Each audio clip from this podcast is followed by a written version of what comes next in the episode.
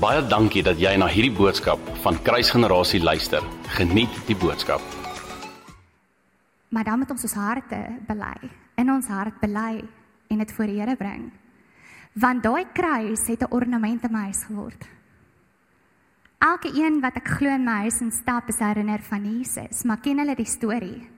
Ons is daar om testimonies te gee van ons lewens. So my hart, hoekom ons hom opgesit het, is dat ons 'n storie sal vertel van wat God kom doen het, reconciliation, liefde, vergifnis, vrede, toekoms en oorvloed van lewe. En ons het dit vergeet. Ons weet dit. Ons weet dit. Maar het ons rarig werklik nog 'n verhouding gestaan met hom? So daar is 'n vraag wat ons in die huwelik vir mekaar moet vra. Waar's jy? Hoe gaan dit met jou? Is ons nog oukei? Okay? Is hierdie kruis vir ons nog? So die kruis hang nog. Hy is op my muur. Hy gaan nêrens heen nie.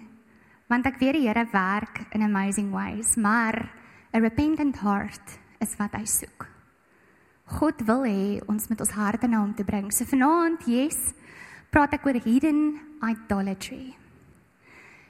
Ons het vir jare daai kruis op ons muur gehad. Daar's niks vir daarmee nie, die wat kruis het by al mens, maar vra jouself af, hoekom is dit daar? Hoekom dra ons dit? Daar's daar's betekenis in dit. Ons moet herinner word aan dit. So indien die wel die vraag wel ja sou wees, dit het 'n hidden idol geword want ons het eintlik nie besef tot dit geopenbaar was nie. Moes ons die kruis okay afval of bely en ons het bely. Maar so kan ons in geloof saam staan en regtig herinner word aan Jesus wat hy kom doen het. So hoekom deel ek die? Ek het 'n groot lang skrif wat ek graag met julle wil deel vanaand. So as julle vir my in Genesis kan oopmaak 31, dan gaan ons 'n stukkie lees. Genesis 31 vers 1. Ek kan nie vir julle sê tot waar nie. so kyk hoe gaan dit.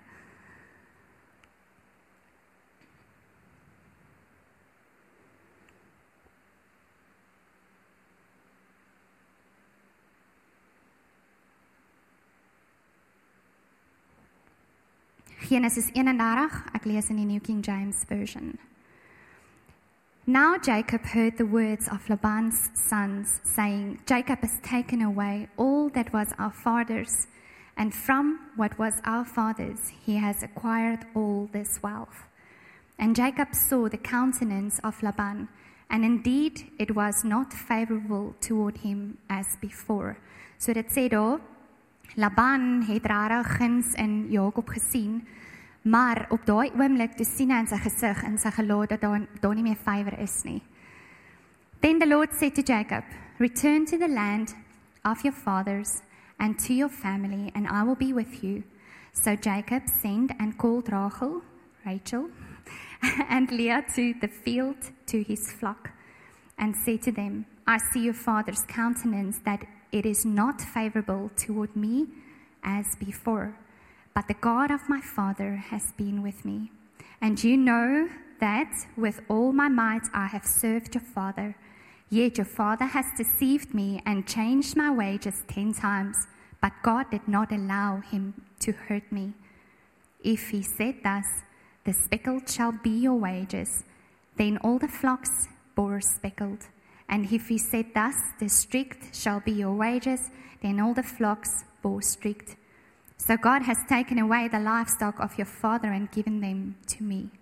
And it happened at the time when the flocks conceived that I lifted my eyes and saw in a dream, and behold, the rams which leaped up on the flocks were streaked, speckled, and grey spotted. Then the angel of God spoke to me in a dream, saying, Jacob, and I said, Here I am. And he said, Lift your eyes now and see all the rams which leap on the flocks are streaked, speckled, and grey spotted. For I have seen all the, that Laban has, uh, is doing to you. Verse 13 I am the God of Bethel, Bethel, where you anointed the pillar and where you made a vow to me. Now arise, get out of this land, and return to the land of your family. Then Rachel and Leah answered and said to him, Is there still any portion of inheritance for us in our father's house? Are we not considered strangers by him? For he has sold us and also completely consumed our money.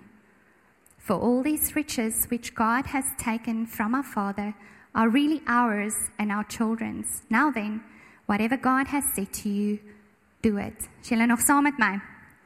Okay. Vers 17. Then Jacob rose and set his sons and his wife on camels, and he carried away all his livestock and all his possessions which he had gained, his acquired livestock which he had gained in Padan Aram, to go to his father Isaac in the land of Canaan.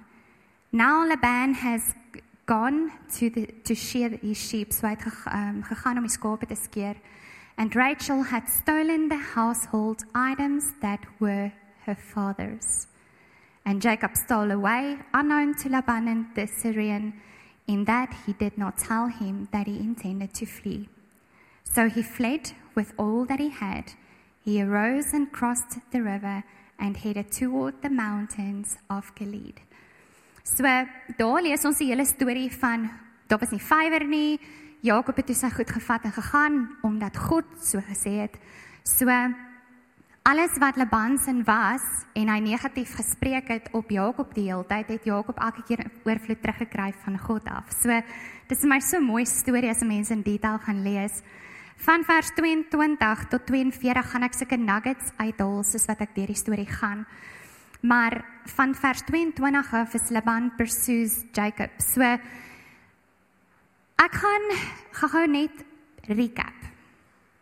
Toe Jakob sien Laban se hart as teenoor hom verander, het hy besluit om sy vrou weg te vat. Dis nommer 1. Nommer 2. Rachel aan die ander kant, wel haar pa die skape gaan skeer het, het sy die huisgode wat hy aanbid het, gesteel.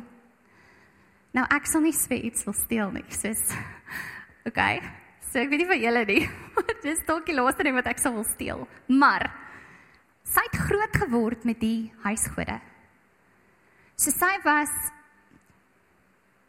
sy het groot geword om die huisgode te aanbid. Dit was haar eerste geloof gewees. So in ander woorde, dit moet iets sentimenteel wees. Hou daai gedagte. OK. Rachel het dit toe gesteel, maar niemand niemand het ooit wat ek gelees het geweet van die huisgode wat sy het by haar nie. Niemand het geweet nie. Tot haar dood toe het niemand geweet nie. Wat interessant is, is van Genesis 35 af daarna lees jy ook nooit weer van die gode nie. Nie eers of iemand dit na dood gekry het nie. Al wat daar staan is dat Jakob sy tent gevat het en weggetrek het van almal af. So scholars glo dat hy dit dalk gevind het. OK, nou gaan ek myself inhal hierso, maar ek gaan nie verder dit deel nie. Dis 'n moontlikheid. So. Laban het nou al 'n paar dae dan toe ingehaal en dis nou van vers 22 tot 42 wat ek so 'n bietjie storie gaan deel. En soos wat hy hom by by hom gekry het, het Jakob vir hom gevra, ag Laban vir Jakob gevra, "Hoekom het jy my goed gesteel?" En Jakob is as waarvan praat jy? En Jakob sê vir hom, hier is my weergawe. Mag die een wat dit gesteel het doodgaan. So ons woorde dra krag. Okay? Jakob het nie geweet die een vir wie hy baie lief was nie. Dit lees ons in Genesis 29. Then Jacob also went to Rachel and he also loved Rachel more than Leah. Dis twee sissies, nê? Rachel was die jongste, Leah was die oudste. And he served with Laban still another 7 years. So hy het haar meer lief gehad um as wat hy eintlik vir Leah gehad het. Jy het dit Leah, uh, Rachel hom nooit vertel van die idols nie. Okay. So as ons verder kyk, it is vers 29. It is in my power to do you harm, but the God of your father spoke to me last night saying, "Be careful that you speak to Jacob neither good not bad. So God het vir Laban gesê, pas op wat jy vir Jakob sê. Nie goed of sleg nie. Kyk mooi wat jy sê. Okay? Vers 32, ek skiep nou so 'n bietjie. With whomever you find your gods, dis wat Jakob te vir Laban gesê het. With whomever you find your gods, do not let him live. In the presence of our brethren, identify what I have of yours and take it with you. For Jacob did not know that Rachel had stolen them. Okay. So as jy verder gaan lees, het Laban toe uiteindelik deur elke tent gegaan en elke plek deur soek. Toe hy by Rachel se Rachel se tent kom, dit sy gaan sit. Sy het in 'n kameelsak in 'n saddlebag die idols gedruk. So hulle is eintlik maar klein en sy het bo op dit gaan sit. So nou het my vraag gekom, hoekom het hy nie net vir gesê om met opstaan en uitgaan terwyl hy deur soek nie? Okay, so die glo van daai tyd was vers 35 And she said to her father, Let it not displease my Lord that I cannot rise before you, for the manner of women is with me. And he searched but did not find the household idols. So daai tyd, die vrouens wat gaan sit het, omdat dit daai tyd van die maand was, hoef hulle nie op te gestaan het nie. Dit dit was so. Okay. So obviously is dit 'n defilement. Ons almal ken die storie van die vrou met die bloedvloeiing. Hier het Jakob, lang storie kort, Jakob het te kwaad geword omdat hy weet sy gewete was skoon. Steeds het hy nie geweet van Rachel nie. OK.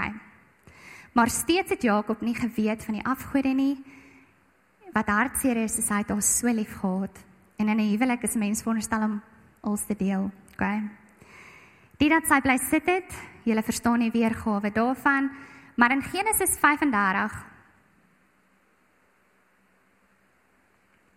vers 1 tot 22 lees ons van 'n deel waar God vir Jakob beveel het dat hy van al die afgode en juwele moes ontslaa raak. Okay, so as ons nou gaan na 35 Genesis 35 sal ons sien daar's 'n deel wat van 31 tot 35 het niemand nog steeds geweet van Rachel se huisgode wat sy gevat het nie. Maar God sê to Jacob Arise, go up to Bethel and dwell there, and make an altar there to God, who appeared to you when you fled from the face of Esau, your brother. Verse 2. And Jacob said to his household and to all who were with them, Put away the foreign gods that are among you, purify yourselves, and change your garments. So bietjie inligting op die garments. Hulle sê so This act was intended to signify a repentant change of heart. Ons lees dat die idols wat in hulle hande was en dit wat hulle op hulle gedra het, hulle juwele en goed moes gesacrifice geword het. Maar jy sien nêrens dat Rachel dit doen nie. Weereens niemand het geweet nie. Verder lees ons aan dat death of Rachel vers 16 um waar sy vers 18 and so it was as a soul was departing for she died that she called his name Benoni sy het 'n seun verwag maar in haar dit wat sy verwag het wel in die kraamproses toe sy nou oorlede. But his father called him Benjamin. So die Benoni beteken um son of my sorrow en Benjamin wat Jakob toe benoem het was son of my right hand. Ons sien nêrens daarna soos ek gesê het van die afgode nie. Dis hoekom my tema hidden idolatry is. Ons almal het iewers 'n hidden idol wat ek vertrou die Here openbaar aan elkeen van ons en dat hy vanaand aan ons sal kom openbaar. Hoekom is afgodery 'n sonde? Die ander vraag Hoekom het Rachel dit gesteel? Is dit omdat sy sentimentele waarde gehad het? Want as ons kyk na vers 1 um, Genesis 31 staan daar omdat God alles vir hulle gedoen het. Dis moontlik, daar's 3 dele. So nommer 1, to ridicule her father's religion om hom te weerhou om te bid tot sy gode want sy het dalk 'n openbaring gekry van wie God was. Dis nommer 1. Nommer 2 kan wees to lay claim to the inheritance of a father. So afgode in daai tyd, huisgode was aan die erfgenaam, die eerste geborene seun gegee. Dis hoe dit gewerk het that he can have the inheritance of the father as die pa sou sterf. So wat ons hier sien is Rachel was nie die oudste nie, sy was die jongste. Lea was die oudste, maar Lea het nie 'n begeerte gehad om dit te vat nie. Sy was nie die erfgenaam daarvan nie, indien wel sou die een wat dit geërf het die rykdom kon kry. Maar Jakob het dit nie nodig gehad nie. Okay, so ek gee nou dele oor wat die moontlikhede is hoekom sy dit sou vat. So dit was 2. Die derde een is to remain attached to her native religion. Okay? Die ander gedagte kan wees dat sy vasbly hou het aan die gode van haar kleintyd. Wat interessant is, sy het tog die God van Jakob geken. Want sy het gepraat van God wat hulle inheritance gee sodat hulle kan trek. So sy het hom geken. Maar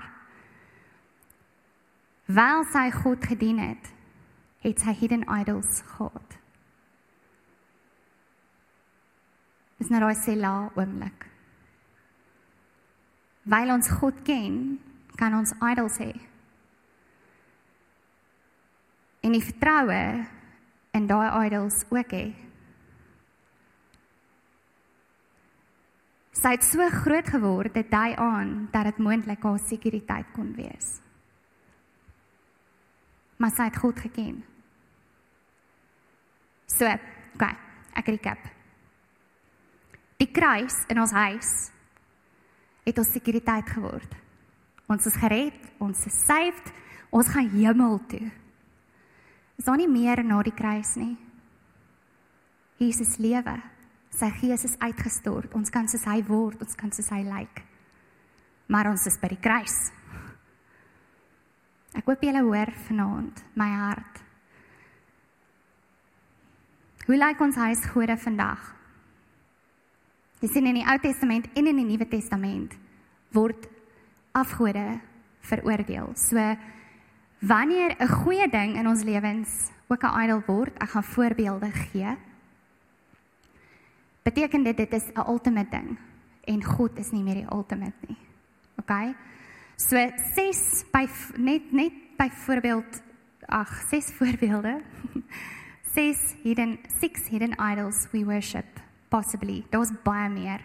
Okay ons identiteit. Partykeer soek ons ons identiteit in hoe ons peer groups like ons vriendegroepe my werksplek klassifiseer die hy waar ek is. Um identiteit rondom wie is ek as ek op Facebook kyk wat sê mense van my? Wie is ek as ek by my familie is? En ek plaas daai wie ek word en hoe ek lyk bo wat sê God wie ek is. Dit kan 'n afgod raak. Dan kyk ons na geld ook. The pursuit om die heeltyd geld na te jaag en nie op God te vertrou as ons voorsiener nie. Dit is super belangrik die Here het hierdie so op my hart gelê. Ek um, ek is 'n klein besigheid eienaar ook en mense raak so stak om die hele tyd te werk om die geld in te kry, maar tog moet ek vertrou op die Here om die geld in te bring. So ons moet so versigtig werk rondom wat kan afgode word, wat kan addictions word, verslawings in ons lewens. Vermaak Netflix, vakansies, videogames, daar's niks vir hom nie. Ons almal het rus nodig. Ons almal sit regtig bietjie partykeer in chill. Soos die chill woord is 'n cool woord, sorry julle. Dit is soms goed, maar 'n goeie ding kan die ultimate ding ook word en ons weerhou van ons verhouding met Vader. Soos moet daarna kyk. Dit steel tyd wat ons kan hê met hom.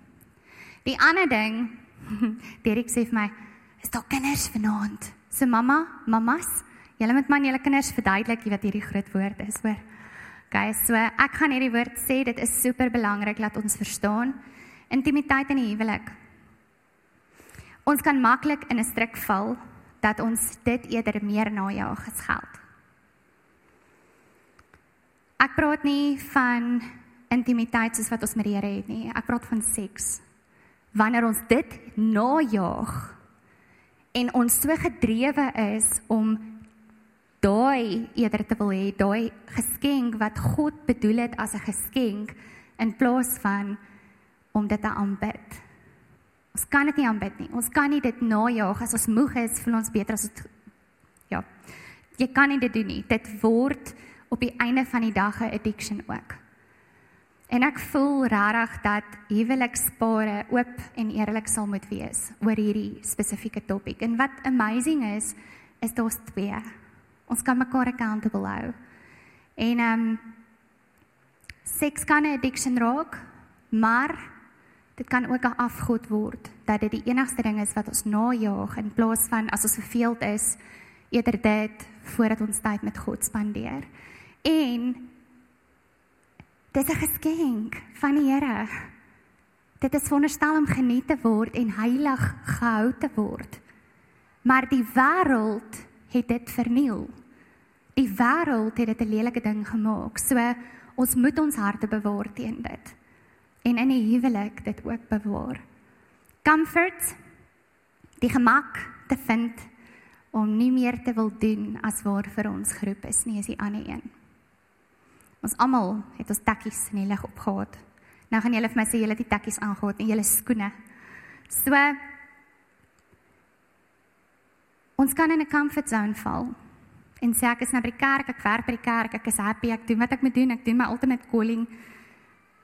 Maar ek sit nog steeds terug en ek groei nie. Of ek kan sê maar ek werk voltyds, ek het nie tyd nie. OK? Ek verstaan dit. Maar ons gesin kan ons bedien. Die mense om wie ons werk, kan ons van die Here vertel. As ons spart ry, daar's soveel geleenthede daar buite. Ons mag nie in 'n comfort zone val nie, want dit belemmer ook ons groei. Want by elke persoon waar ek stil staan, kan ek of 'n storie deel of iemand kan met my 'n storie deel. Die laaste een fone, gaan ons dit noem? Ja. ons fone neig om soveel tyd weg te vat van die Here.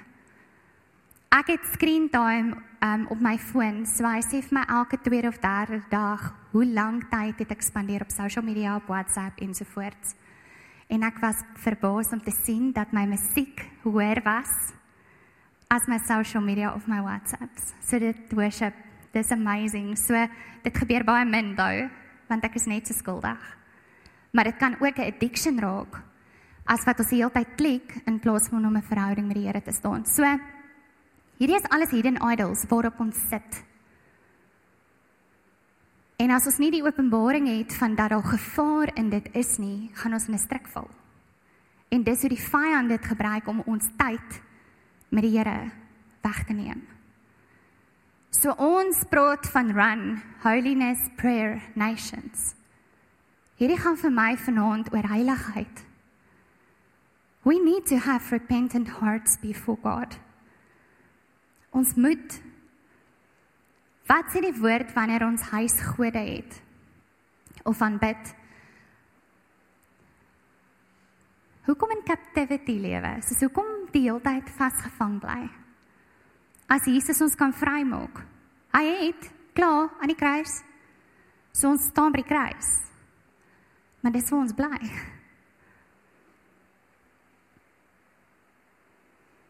Daar's 'n ding wat sê I know the tune, so I just go along.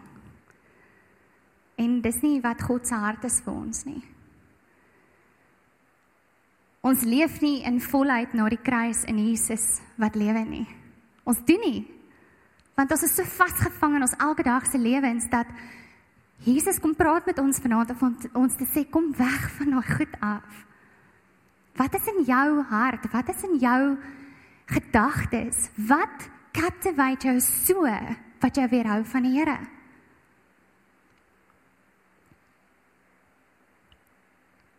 Hy het ons kom verlos van die dood. Hy het nie nodig gehad om dit te doen nie, maar hy het. Rachel het in Jakob se God geglo, ek recap, maar sy was steeds vasgevang in hidden idols van haar vorige lewe as 'n kind. Hoeveel dinge is ons nie nog steeds vasgevang van seer wat mense oor ons gebring het? Seer van familie, seer van dinge wat ons oor onsself gekies het. As om vry te word van dit en op te staan en te beweeg. Rachel het in geloof geloop elke dag om te praat van God en met God. Maar moontlik met hidden ongeloof rondgeloop. Dit breek my hart. Ons as Christene sê ons is Christene. Ek ken iemand wat sê hulle het nog nooit oor hulle self gesê nie. Nie sê jy is 'n Christen nie, jy is 'n kind van die Here en jy volg in sy voete. Ons praat van hom, Ons ken hom. Ek weet van die kruis wat op my muur hang. Maar het dit nie ook moontlike hidden ongeloof gebring in ons harte teenoor hom nie? Praat vanoggend met iemand, sy sê vir my the fear of God. Ons mis die fear of God.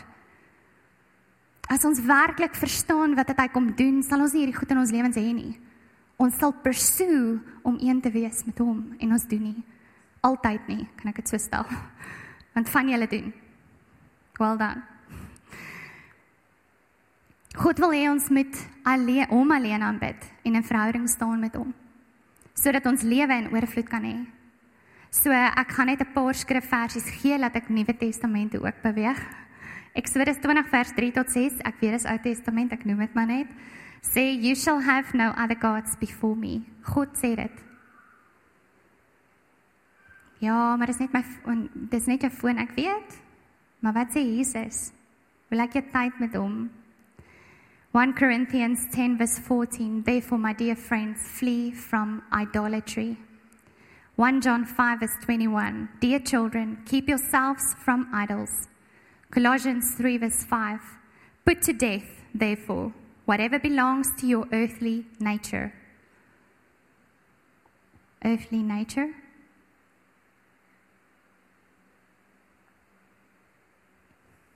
Ek is herinner dat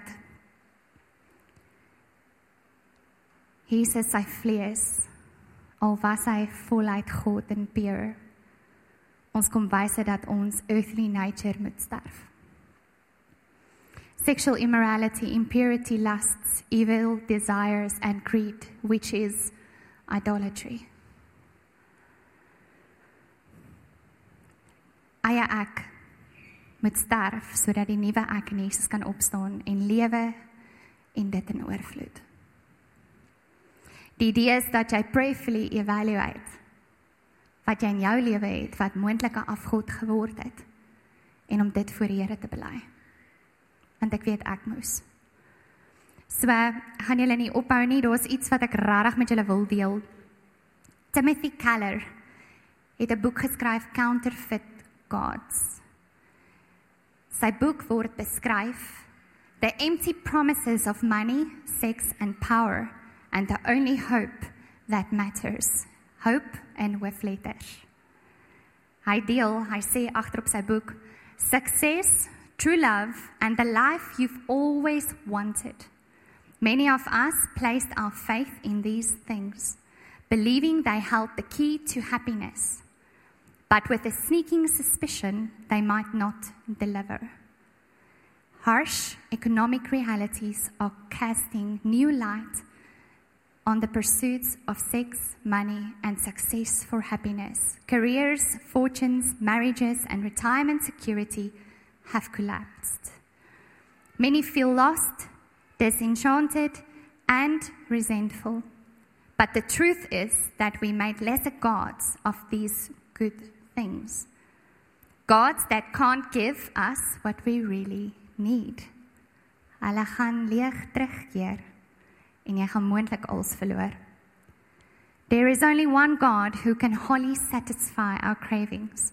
And now is the perfect time to meet him again or for the first time. I say, Father, that human heart is an idol factory. Ja, ek moet skrif gaan soek dit op dit want ek wil dit weet, ek wil dit verstaan wat bedoel hy. The heart is an idol factory. Taking good things and making them into idols that drives us. Die vyand is nogal amazing om dinge te verander en dit so mooi te laat lyk. So net om daai te beam, Esegiel 14 Ek gaan vers 5, 6 en 7 lees. That I may seize the house of Israel by their heart, because they are all estranged from me by their idols. Therefore, say to the house of Israel, Thus says the Lord God, Repent, turn away from your idols, and turn your faces away from all your abominations.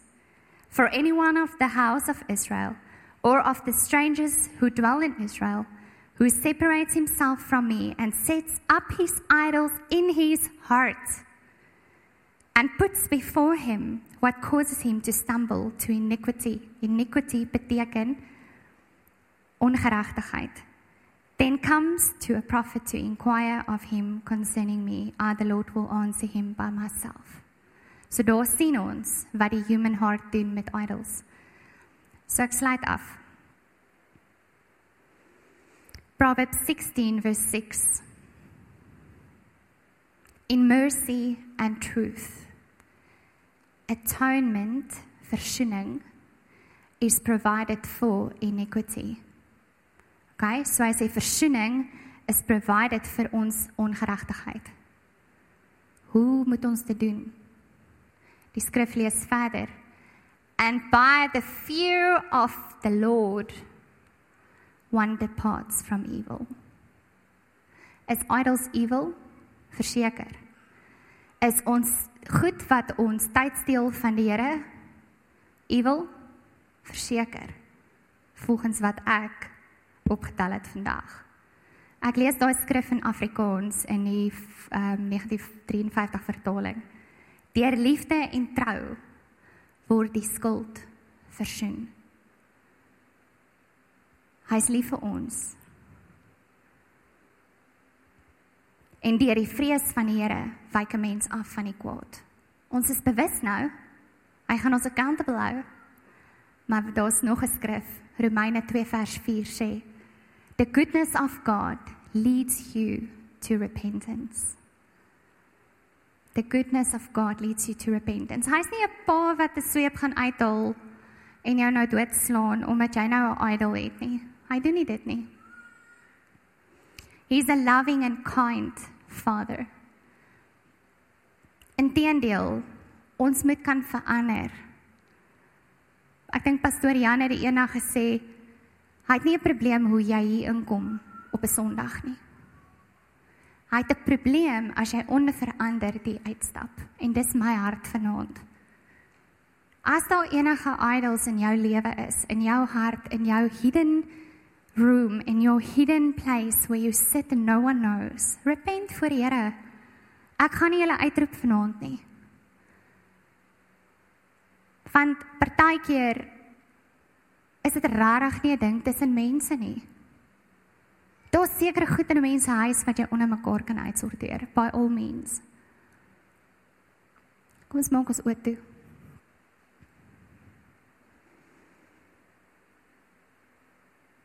Deur liefde en trou word die skuld versoen. En deur vrees vir die Here wyk 'n mens af van die kwaad. Here, soos wat ons elkeen net so bewus is van U vanaand. Hungry, I come to you. With open hearts, we come to you tonight.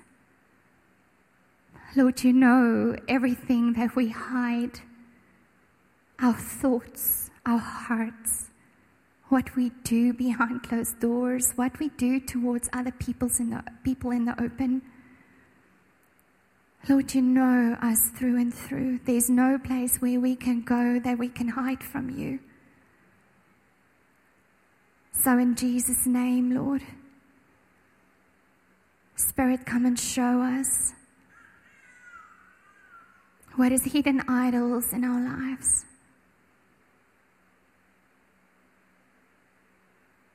Here, en soos wat U dit aan ons openbaar, bid ek dat daar regtig repentant harte sal wees vanaand. We don't speak or teach of cheap grace that's only forgiveness. Ek kan nie onthou wie dit sê nie, but true repentance. So Lord, we bring our hearts to you with full repentance of what we need to break down and leave and either take out or take off. 'n verandering van waarmee ons besig is elke dag habits, Lord. Hierdie was net 'n paar wat ek kon noem, Here, maar U weet. That what takes our time away from you. Here, kom vergewe ons. Kom maak ons skoon, kom leer ons hoe om dinge beter te hanteer. Here, en as ons accountability partners nodig het, wys ons die mense sodat ons kan praat wat ons nog vasvang so that we can become free in the name of Jesus. Here, U hoor elke hart vanaand. U ken elke gedagte. U ken elke huis. Vader, ek bid U seën oor elkeen. Your kingdom come and your will be done in Jesus name. I pray. Amen dankie dat jy na hierdie podcast geluister het. Indien jy die boodskap geniet het, deel hom asseblief met jou vriende.